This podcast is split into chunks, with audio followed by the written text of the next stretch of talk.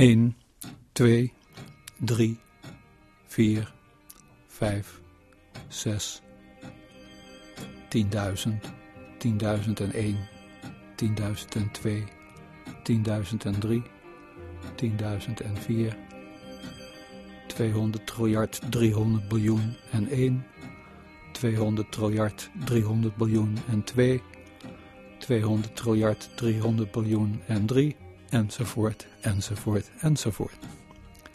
Als je zo doorgaat, kom je op een getal uit wat groter is dan elk noembaar getal. Dat heet oneindig, aftelbaar oneindig, groter dan wat u kunt verzinnen.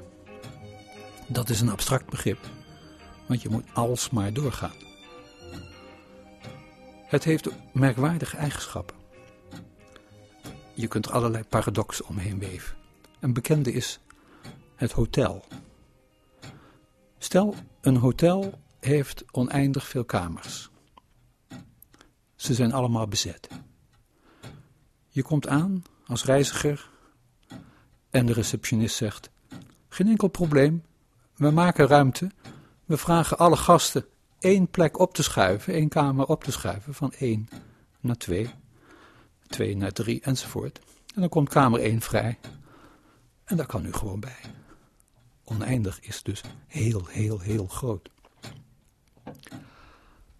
Gaan we nou een stapje verder, punten op een lijn bijvoorbeeld, gaan we die tellen, dan blijkt dat je met dat begrip aftelbaar oneindig er niet mee uitkomt. Want als je de punten van een lijn gaat tellen, dan blijkt het te veel meer zijn. Dan heb je te weinig aan alsmaar doortellen. Dan kan je wiskundig laten zien dat je dan, als je dat doet, er oneindig veel punten overslaat. Het is een continuum. De tijd is daar een voorbeeld van. Groter dan aftelbaar oneindig.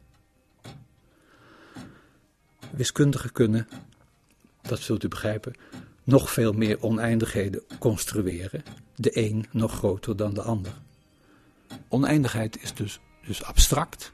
En dat is een grap van Woody Allen uit zijn film, die zegt: oneindig lang, dat is vreselijk lang, vooral tegen het eind.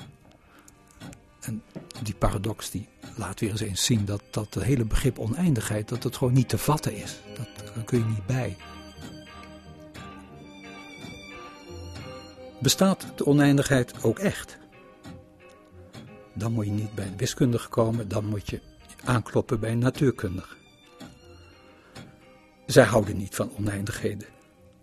De Nederlandse natuurkundigen Martin Veldman en Geert het Hoofd, die hebben de Nobelprijs gekregen omdat zij de oneindigheden uit een theorie gesloopt hebben. En ze hebben daardoor een goede theorie gemaakt, want een theorie met oneindigheden, dat deugt niet. Er zouden verschillende oneindigheden in de natuur kunnen zijn. Het oneindig kleine, het oneindig grote, een oneindige snelheid. Nou, met dat laatste kan de natuurkunde meteen afrekenen. Er kan niks sneller dan het licht.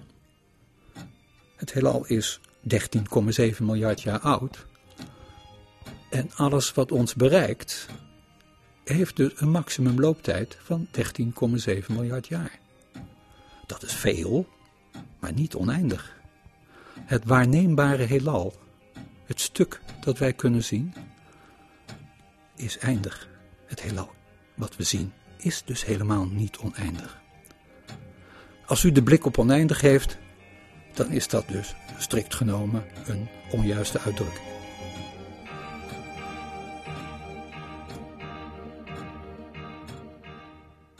die rand van het heelal, dat die grens van een looptijd van 13,7 miljard jaar, dat heet de horizon van het heelal, de grens van het waarneembare heelal. Daarbuiten kan dat dan toch nog oneindig zijn? Nou, je kan het niet zien, want dat is begrensd. Dus dan moet je je baseren op een theorie. De theorie van de geboorte van het heelal heet de inflatietheorie. Dat is de theorie die zegt dat een heel klein gebiedje geëxplodeerd is in een fractie van een fractie van een seconde tot gigantische afmetingen En dat ging dan geleidelijk aan over in wat wij de oerknal noemen. Dat heelal is heel, heel, heel groot. Onnoemelijk veel groter dan wij op dit moment kunnen zien. Maar het is wel eindig. Dus niet oneindig groot. Is dat een geruststelling? Voor veel mensen niet. Want ook een eindig heelal leidt tot allerlei filosofische problemen. De vraag die formeel nooit gesteld mag worden, blijkt de meest gestelde vraag in de sterrenkunde te zijn.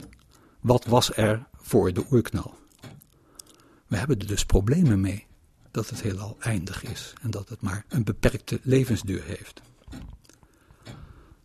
Pas als wij in de verre toekomst de aard van ruimte en tijd kunnen begrijpen, dat weten we nu nog niks van, dan kunnen we het antwoord van wat was er voor de oerknal pas geven.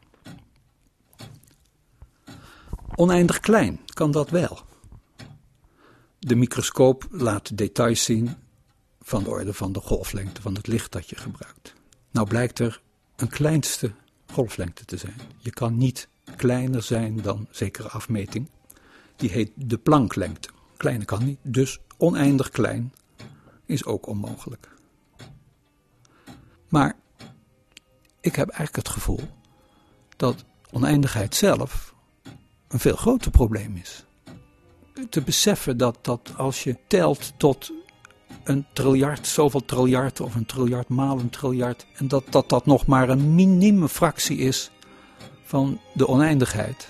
Dat ik het wel een prettig idee vind, dat blijkt uit de waarneming van het heelal, dat dat gewoon niet het geval is. Die abstracte stap is er niet. Dat hoef je niet te maken. Je hoeft daar niet over te struikelen. Je hoeft niet bang te zijn voor dat hotel met een oneindig aantal kamers waar ze maar kunnen schuiven. En waar dan ineens een oneindig aantal uh, nieuwe kamers over zijn. Ik verdedig hier dus de stelling dat oneindigheid niet bestaat. Het heelal is niet oneindig groot. We kunnen niet tot in het oneindig kleine kijken. Maar vanuit het perspectief van de oneindigheid, van een tijd die alsmaar doorgaat, en dat is heel, heel, heel lang, vooral tegen het eind, denk ik niet dat die stelling, die ik zojuist uh, definieerde, oneindig lang houdbaar zal zijn.